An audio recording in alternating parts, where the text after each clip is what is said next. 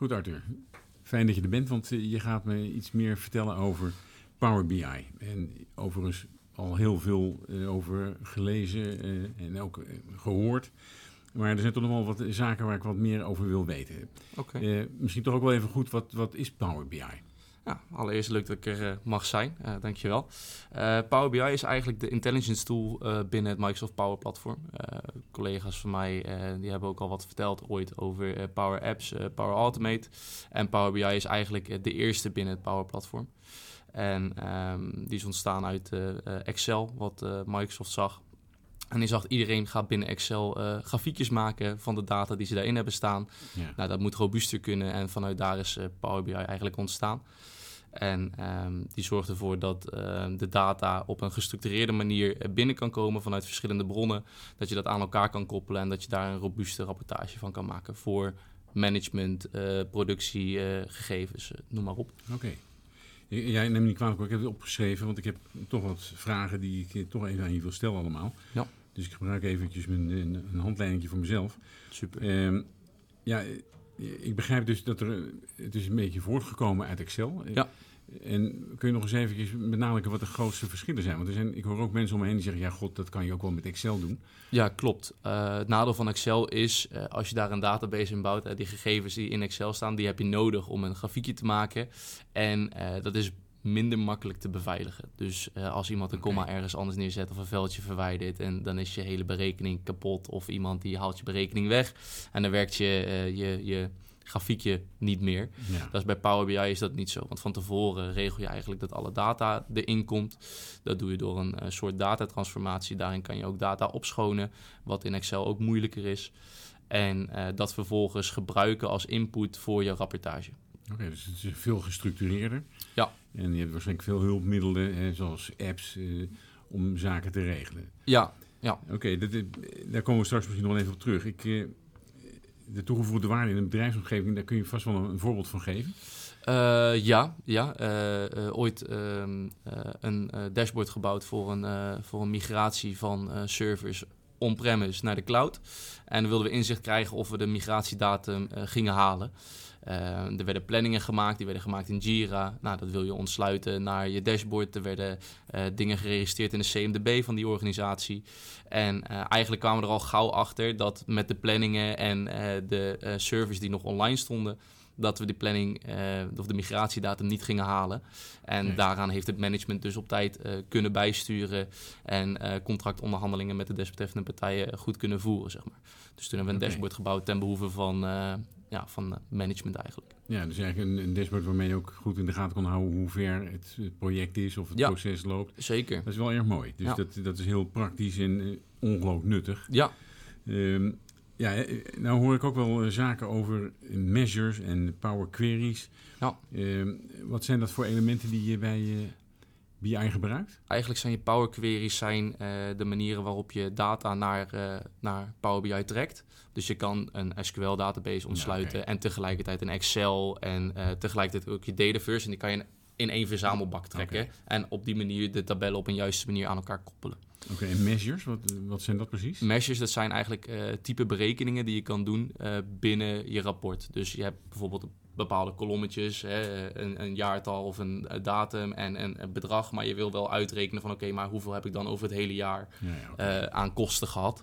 En dat kan je door middel van een measure kan je dat doen. En die meshes die zijn ook slim, die hebben verschillende dimensies, die dan weer gekoppeld zijn aan een datamodel wat je hebt ontwikkeld eh, binnen Power BI.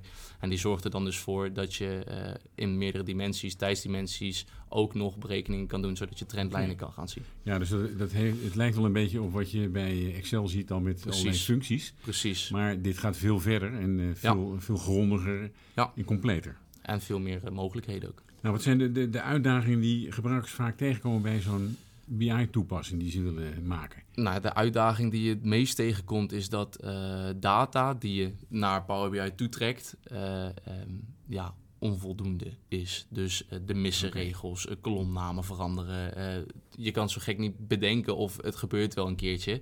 Dus ehm, dat is ook het enige nadeel van Power BI. Je rapport is zo goed als wat je erin stopt, zeg maar. Dus stop je er slechte data in, nou, dan komt er natuurlijk ook eh, geen goed overzicht uit. Nee, dus garbage in is garbage out. Garbage in is garbage out. En dat is toch wel hetgene wat je het, eh, wat je het meest ziet, wat mensen ook tegenkomen.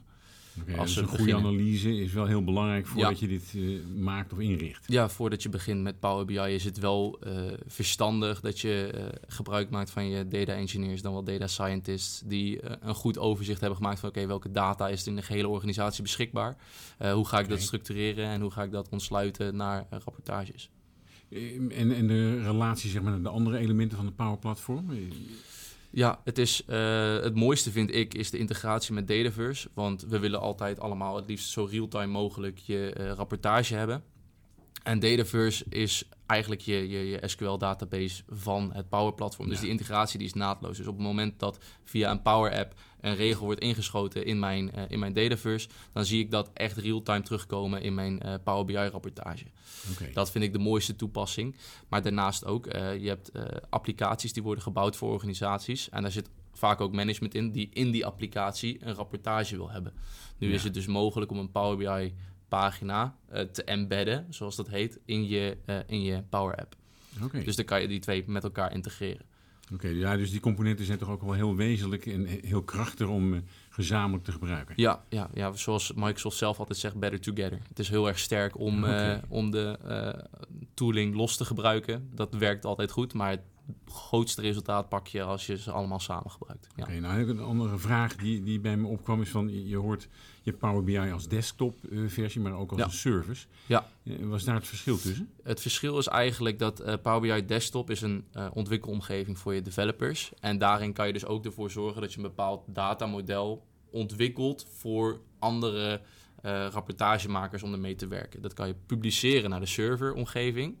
En dat is dan de online webversie, waar dus iedereen dan dat datamodel wat jij hebt gemaakt kan gebruiken. Ah, Want de manier waarop jij je data modelleert is natuurlijk afhankelijk hoe je daarna je data gaat weergeven. Dus je kan ervoor zorgen dat iedereen dan hetzelfde datamodel en dezelfde database gaat gebruiken, zodat niemand ehm, ja, goed, dus andere ik- resultaten krijgt bij dezelfde Snap grafieken. Nee, dus, dus Power BI Desktop, dat is eigenlijk de tool waarmee de ontwikkelaars aan de slag gaan. Ja, En die service is eigenlijk het beschikbaar stellen van de, de resultaten ervan aan iedereen, zodat iedereen hetzelfde gebruikt. en eh, het publiceren van bepaalde rapportages naar externe of interne gebruikers. Nou, ik heb nog één eh, laatste vraag. Eh, wat voor dingen moet je regelen als je hiermee aan de slag wil? Eh, security zou ik goed inregelen. ehm, want het is de eerste. Dus het Power Platform is het hele Power Platform. Maar Power BI valt er toch een klein beetje buiten. Dus daar moet je los nog je security inregelen door middel van workspaces.